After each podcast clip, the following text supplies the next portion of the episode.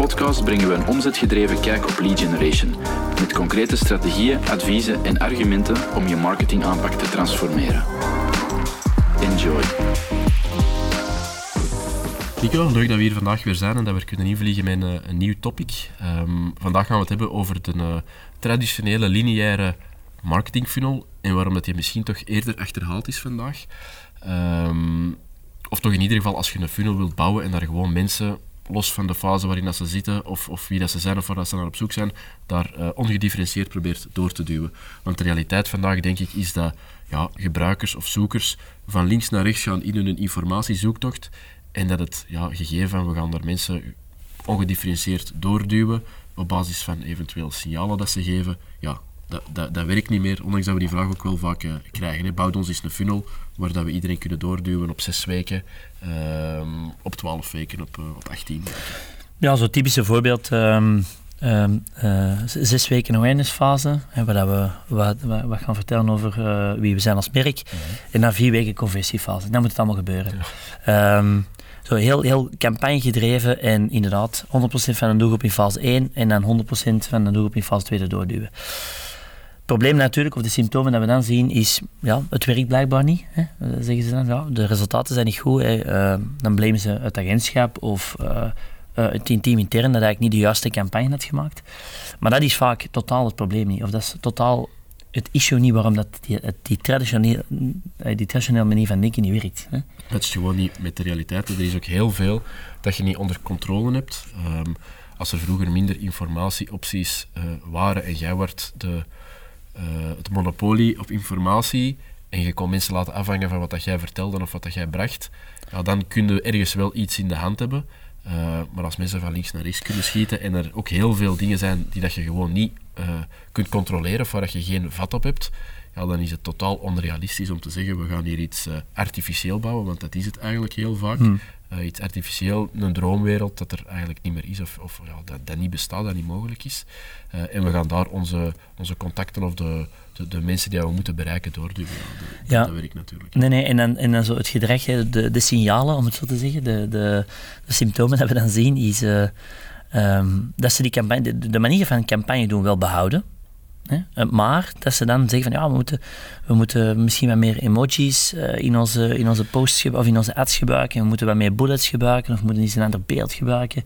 Dat zal, uh, dat zal het grote verschil geven, maar dat is eigenlijk echt de essentie niet. De essentie is dat je de manier van campagne voeren, dat die gewoon vandaag niet meer werkt. Dat, dat dat model gebroken is. En dat je op zoek moet gaan naar manieren om always on gedifferentieerd mensen in die pipeline te krijgen. En dat is eigenlijk dat is de essentie. Hè. Um, en ik denk dat er ja, twee manieren zijn waarop, of twee redenen waarom dat, dat vandaag niet meer werkt. Hè. Want ik kan me wel inbeelden, we komen vaak bij B2B-bedrijven die zeggen, ja, maar we hebben dat altijd zo gedaan, uh, dat heeft altijd gewerkt, maar de laatste jaren merken we dat we daar heel weinig resultaat uit halen. Mm -hmm. Maar het is, ik, ik wil direct al op één punt inpikken, wat, wat jij zegt, ja. van, ja, mensen komen vandaag eigenlijk 80, 90 procent geïnformeerd binnen. He, door twintig jaar geleden was er wat informatie online beschikbaar. B2B al een pak moeilijker. B2B liep daar wat achter. Uh, en dan was het bedrijf of die salesorganisatie the way to go om informatie op te doen of, met het salesteam of dat hun als B2, of zij als B2B-organisatie de juiste keuze waren voor, voor hen. Um, dus er werd veel sneller, op, op, als men in het begin van het beslissingsproces had, ging men dan naar die organisatie om informatie in te winnen, brochures door te nemen, presentaties door te nemen. Maar die tijd is gedaan. Hè. We zijn nu tien jaar verder of twintig jaar verder. En eigenlijk ook B2B-beslissingen, merken wij, worden vaak al voor 80%, 90% beslist vooraleer dat men met een B2B-bedrijf in contact komt. En ik denk dat dat een van de grootste ik ben benieuwd wat jij daarover denkt, maar ik denk dat dat een van de grootste drijfveren is uh, waarom dat, dat lineair model vandaag niet meer werkt. Omdat we ervan uitgaan, zes weken awareness creëren en dan mensen in een conversie trekken om ze dan te gaan informeren. Dat was eigenlijk altijd het idee. Maar die, die informatiefase verwachten klanten al op voorhand. Dus mensen gaan die, die conversiefase niet instappen omdat ze zelf die informatie willen gaan opdoen of omdat het momentum er natuurlijk nog niet is. Nee, het zijn inderdaad twee elementen eraan die dat gewoon niet meer zijn afgestemd op hoe dat mensen zoeken. Hè. Het, hmm. het lineaire, we gaan ze stap 1, stap 2, stap 3 laten doorlopen in die volgorde. Ja, dat is niet realistisch. Dus dat heb je aan de ene kant. En dan heb je die heel korte timeframes aan de andere kant. Zes weken, ja, geen enkele beslissing op dat niveau wordt vandaag nog op zes weken genomen. Er gaat meer en meer tijd over. Ehm, ik denk dat ik cijfers had gezien dat er eh, tot tussen 50 en 60 procent meer tijd over een B2B aankoopbeslissing gaat. Die timeframe van zes weken, dat past misschien heel handig in hoe een communicatieagentschap een campagnemoment wilt invullen, traditioneel, als je dan kijkt naar, uh, naar de uh, offline media. Um, dat dat daar strookt met de waves die dat daar voorhanden zijn, maar dat strookt gewoon totaal niet met de realiteit. Dus ja, dat model moet wel, wel een beetje worden heruitgevonden. Uh, hmm. Dat is absoluut waar en dat is puur om die twee redenen. Uh, je kunt mensen uh, niet dicteren om, om, een bepaald gedrag te vertonen dat toevallig handig is voor u. En die korte termijn, ja, dat strookt totaal niet meer mee hoe dat vandaag in zijn werk gaat. En als we nu even terugreflecteren naar ons, hè, om, om ook daar eens naar te kijken. Ik denk als we nu verschil zien tussen nu en zeven jaar geleden, de, de, de, de soort vraag die wij kregen was substantieel anders. Zeven jaar geleden zei men, goh, we willen iets doen met digitaal, uh, we willen iets doen met leadgeneratie, digitaal. Um, zouden ons eens kunnen uitleggen wat er allemaal kan, hoe dat, dat kan. Uh, dat was natuurlijk in presentaties en wat we, wat we eigenlijk volledig aan hen gingen uitleggen wat, wat de mogelijkheden waren vandaag en hoe dat die ja. werkte. Zeven jaar geleden, maar zeven jaar geleden. Als je de dag van vandaag kijkt, de vragen die wij vandaag binnenkrijgen zijn heel gefocust. Hè. Mensen weten al, ook B2B-marketeers weten heel goed wat ze willen. Los van het feit dat wij denken dat dat de beste keuze is op dat moment, maar de vraag is al heel concreet. Uh, of veel, veel concreter dan zeven jaar geleden. Dus ook wij, zelfs in onze business, merken dat, dat uh, die 80% informatieuitwisseling, dat dat al gebeurt, voordat dat ze met ons contact opnemen. En ik zie dat bij elk, bij elk B2B-bedrijf. In het algemeen zie ik dat passeren. Dus daar moeten we vanaf, denk ik. Eén. Um, en twee, uh, het lineair denken uh, strookt voor mij ook ergens wel met het feit dat we, de, dat we als B2B-bedrijf de controle willen houden. He, wat ik vaak hoor is dat sales teams zeggen van... Goh, uh, ja, we moeten kost wat kost die lead wel laten converteren, want wij moeten met hen aan tafel zitten om hen te gaan overtuigen en om in ons verhaal mee te krijgen.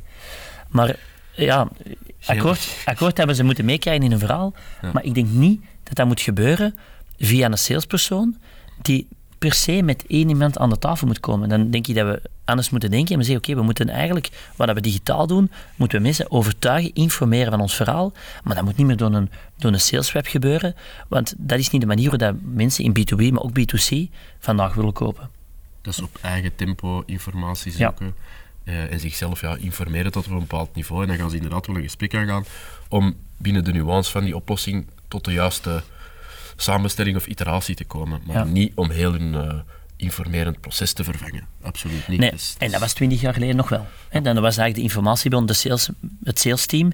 Ja, en dan konden sneller zeggen, ik converteer hem naar sales omdat daar dan informatieuitwisseling gebeurt, maar dat gebeurt gewoon niet meer. Dus dat is een punt, denk ik. Hè. Die controle willen behouden, denk dat we dat moeten lossen. Dat, de persoon die koopt vandaag in controle is. En ik denk dat we dat ook gewoon zo moeten houden. Dat we ons op moeten aanpassen. Eén. Uh, en dan twee, inderdaad, het, punt van mensen informeren zichzelf. Dus we moeten daar ook aan tegemoet komen. Natuurlijk, uh, wat kunnen we daaraan doen? Hè? Dat, is, is, ook de vraag. Ik denk, wij gebruiken daar vaak uh, maar misschien moet jij dat een deel toelichten, um, een, een bepaald framework waar we eigenlijk voor elke laag in een beslissingsproces content creëren. Ja. Los van het feit of dat die nu, hè, dat, het is perfect mogelijk dat iemand in de, in de eerste fase instroomt, maar dat hij niet per definitie in die laatste, in die, in die fase 2, 3, 4 doorstroomt. Hè. Wij laten het tempo eigenlijk aan de persoon aan de overkant. Ja, het is, dat is dan een groot woord, maar dat is eigenlijk intentiegedreven inhoud uh, dat we uitwerken. En dat model dat je er net naar refereerde, uh, het is zeker ook niet exotisch. Als je dat eens opzoekt, dat ziet er heel simpel uit. Ja. Dat is see, think, do, care. Dat zijn eigenlijk vier mogelijke fases waarin dan een mogelijke prospect zich kan in bevinden. Um, zie, dat is eigenlijk de, de, de, ja, uw breed gekwalificeerde doelgroep zit daar. Uh, dus dat zijn de mensen die dat idealiter klant van u kunnen worden, maar die dat op dit moment uh, vandaag nog ja, geen concreet gedrag vertonen. Uh, die zijn zich misschien ook zelfs nog niet bewust van je organisatie. In de thinkfase uh, is er misschien al een klein beetje bewustwording en gaan ze actief oriënterend op zoek naar mogelijke oplossingen voor een probleem dat ze wel erkennen. Dus ze weten dat ze een gemis hebben of een gemis ervaren en dat er, uh, dat er misschien wel oplossingen zijn voor dat probleem. En de doelfase is mensen die dat, ja, actief uh, met een salespersoon of een salescollega in contact willen komen om naar de juiste samenstelling van een oplossing te komen. Carefase, dat zijn dan de bestaande klanten. Uh, uiteraard ook heel nuttig en belangrijk om op te werken. Binnen dit gegeven zien we vooral dat die eerste drie fases interessant zijn om in te vullen. En het is dus niet het idee om mensen van C naar Think naar Do te forceren. Dus hoe dat misschien vroeger in het, het AIDA-model, denk ik, dat is dan de voorganger, uh, was uh, wel de bedoeling, is dat je zelf in de lead bent en mensen door die funnel probeert te trekken. Seating Do is qua mindset ook een beetje anders, omdat je zegt, uh, voor die C-mensen die dat zich nog niet van ons bewust zijn, daar gaan we informatie voor uitwerken.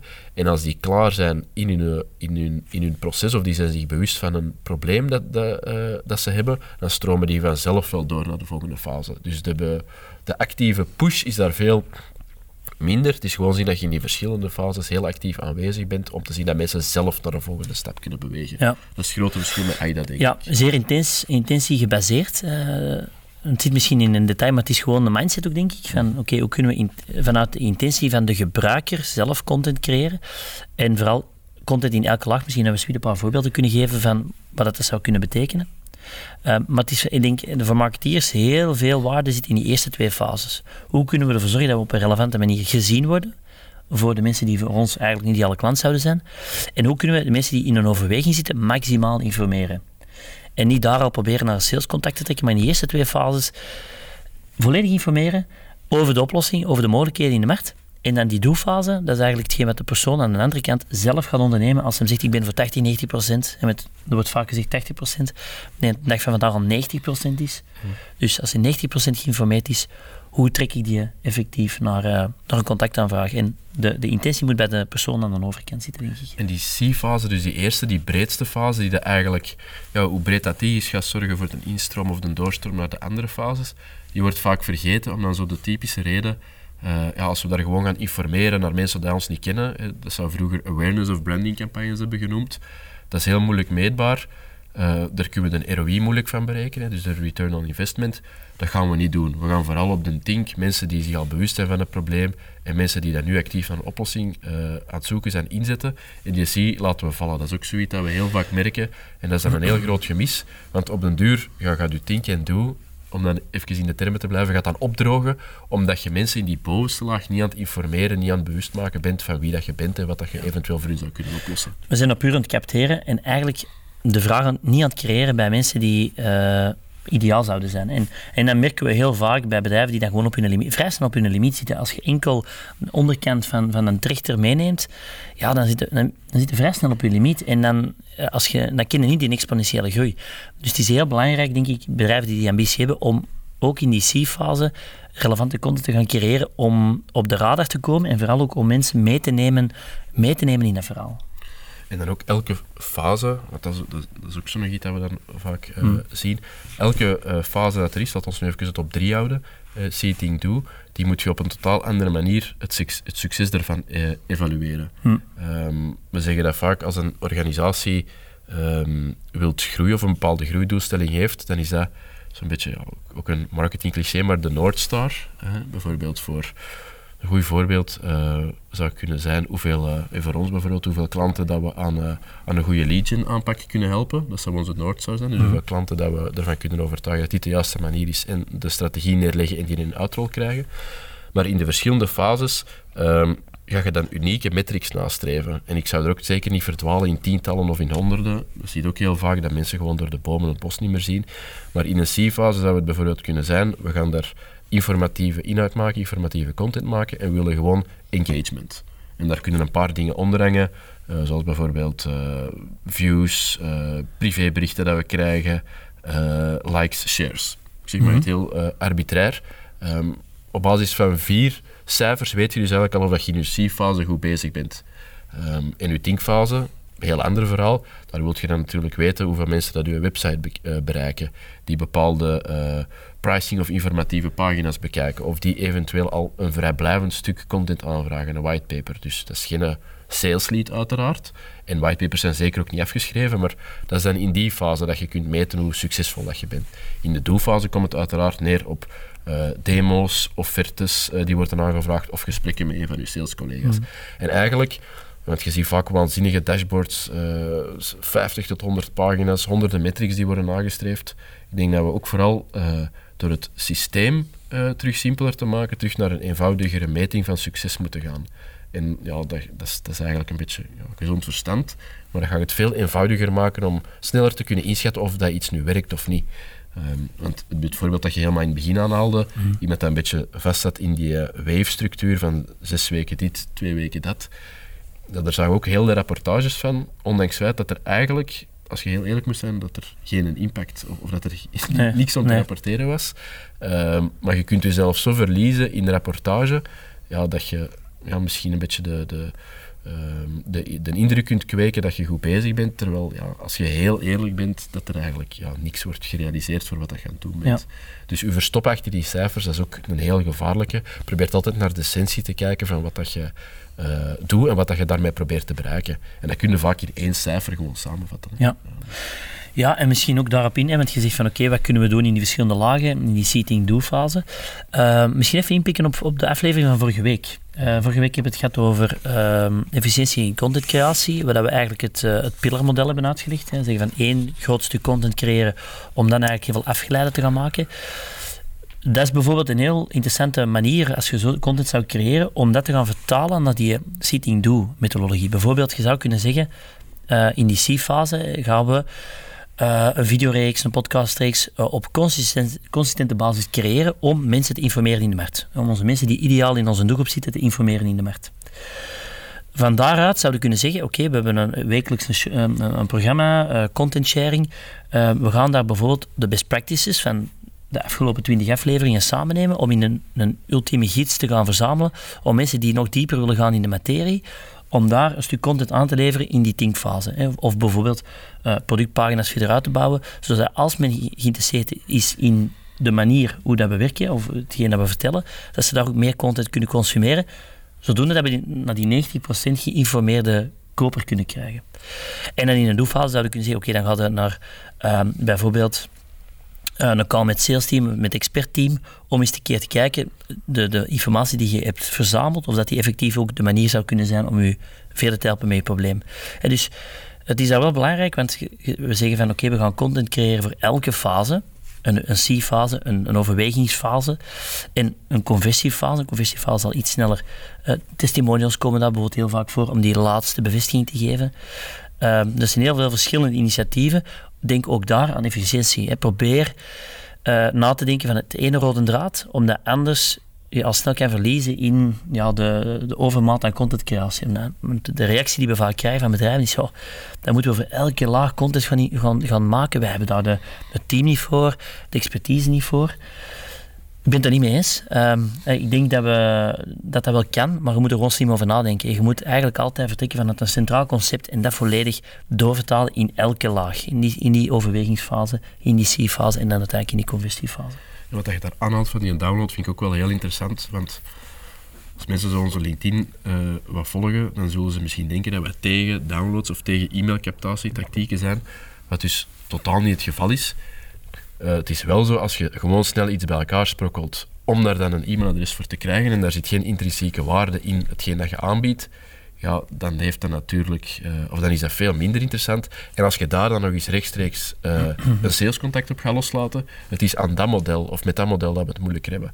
Het voorbeeld dat jij aanhaalt, uh, we werken pillar content uit, of we werken content uit, en we gaan nu van een x aantal afleveringen de best practices of de beste inzichten stofferen, delen, verzamelen en bundelen. Um, en dat er download aanbieden en er dan niet direct een salescontact op loslaten, maar eventueel uh, nurturing of e uh, e-mailings die daar in opvolging komen. Ook niet eindeloos, maar die daar relevant wil zijn voor die gebruiker. Dat is een heel ander verhaal dan uh, ja, snel iets bij elkaar sprokkelen waar dan niet echt iets inhoudelijk in zit, om daar dan direct op te gaan bellen. Want daar raken mensen totaal op af. Dat is totaal nieuw dat mensen willen kopen.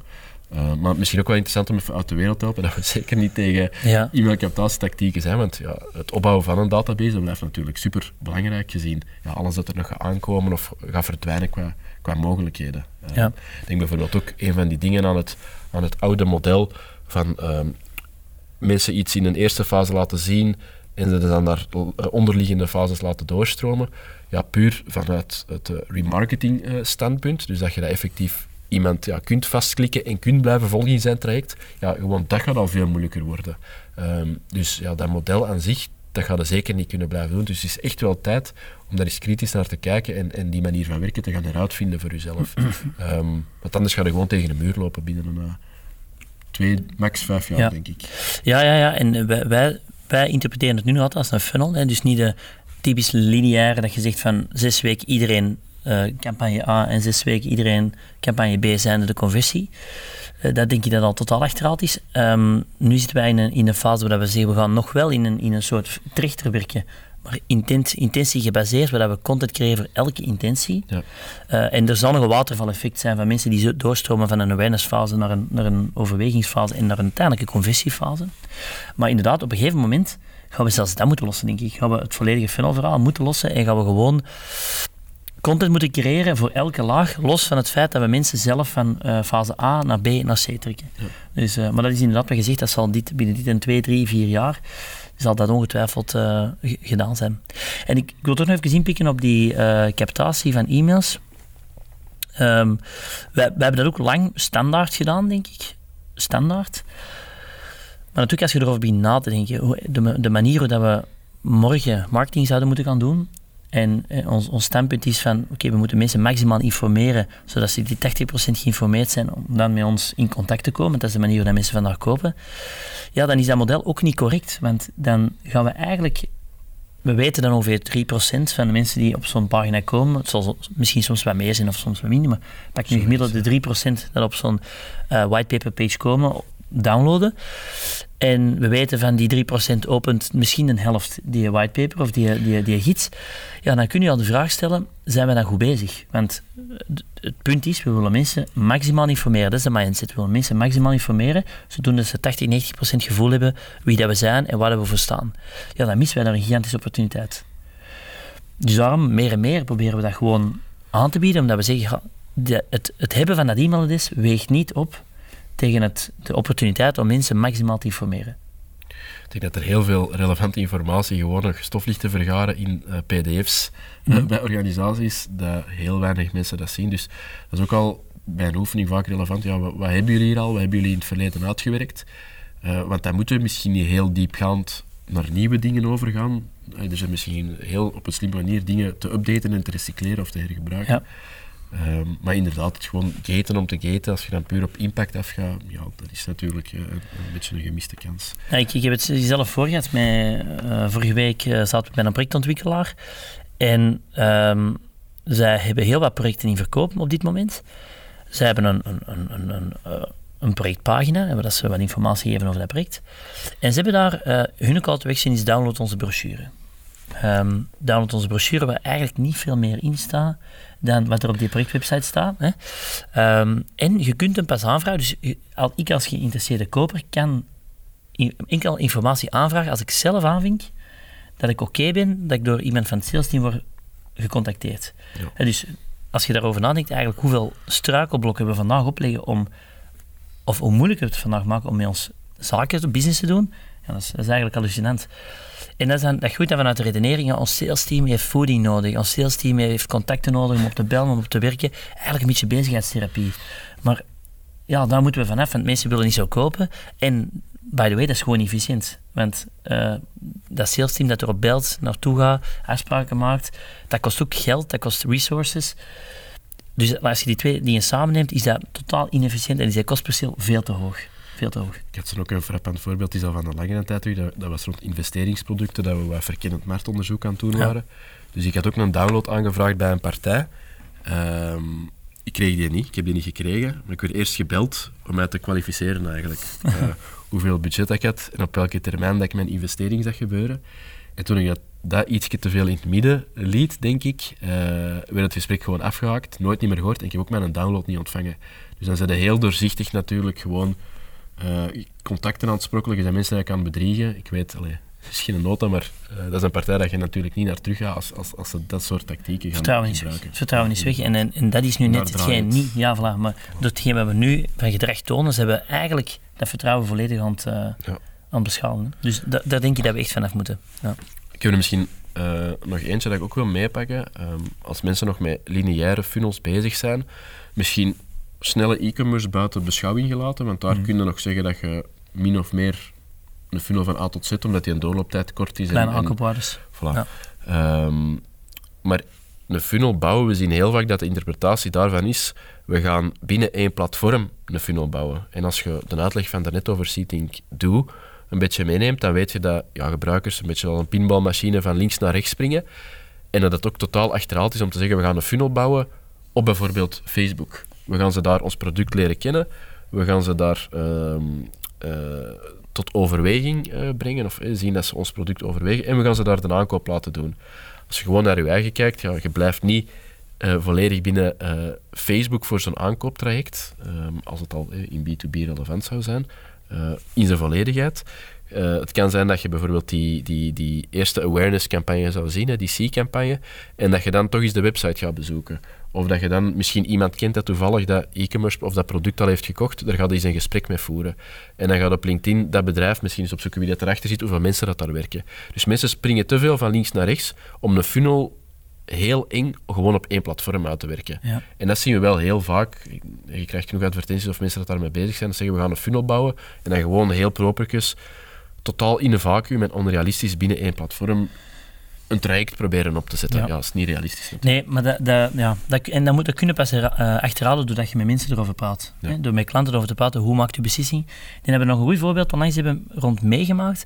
Ehm, dat was eigenlijk een groot... eh, ehm, is eigenlijk plaatser van zwembaden. Een grote plaats van zwembaden in Vlaanderen. En ehm, wat daar naar voren kwam, is dat ze eh, heel wat contacten binnenkregen, maar dat door met klanten te spreken eigenlijk naar voren kwam dat mensen het moment dat ze contact wouden opnemen, of op het punt stonden om contact eh, te op, op te nemen, dat ze de reviews, de Google reviews, eerst bekeken om eigenlijk die bevestiging te zoeken. Om te zeggen van oké, ik heb nu heel veel informatie geconsumeerd. Ik heb het gevoel dat dat een interessant merk eh, voor mij zou kunnen zijn, of een oplossing voor mij kunnen zijn. Maar ik wil toch nog even checken, finaal, of dat er eigenlijk eh, goede reviews zijn en dat ik, dat ik wel zeker ga, ga zijn op mijn, op mijn, over mijn beslissing. Dat ik andere woorden mijn partij opneem die over gemiddeld genomen goede service levert. En dat, is- en dat is dat, Totaal logisch ook. Hè? Totaal logisch, maar dat vergeten we omdat we in die funnel binnen één kanaal aan het denken zijn. Maar die kleine business, my review, of die, die review, hè, my business, eh, die zorgde ervoor dat uiteindelijk de stap werd gezet om met dat salesteam contact op te nemen. Dus door dat te weten, ja, gaat er daar ook veel uit op inzetten, gaat er nieuwe klanten zorgen dat zij ook hun, hun idee of hun ervaring achterlaten. Maar als we dat, als we dat niet, dat breder kader zien, ja, dan, dan missen we dat. Hè. Dan missen we heel veel opportuniteit. En dat willen we eigenlijk zeggen met probeert eens te kijken naar elke laag van, vanuit awareness, eh, vanuit een C-fase tot een overwegingsfase tot een conversiefase. Wat zijn de soorten content en kanalen die men raadpleegt om die beslissing te stofferen? En probeer daar dan op te gaan werken. Maar zeker het lineaire moeten we, moeten we dat lossen. Dat denk ik ook. Ja. Oké, ik denk dat we er vandaag heel veel over verteld hebben. Ehm, moesten er mensen zijn die over heel dat lineair verhaal, of die de switch willen maken van zeer lineaire funnels bouwen tot een iets gedifferentieerde funnel, eh, en er zijn nog vragen over, stuur ons gerust via LinkedIn, of eh, op webstack.be slash vraag kan je altijd ook een vraag insturen, gerelateerd aan die topic, en dan proberen we dat 100% mee te pakken in een van onze volgende afleveringen, of dan koppelen we even rechtstreeks naar jou terug, moest dat, eh, moest dat relevant zijn. Goed, en dan zien we elkaar graag terug volgende week. Tot dan.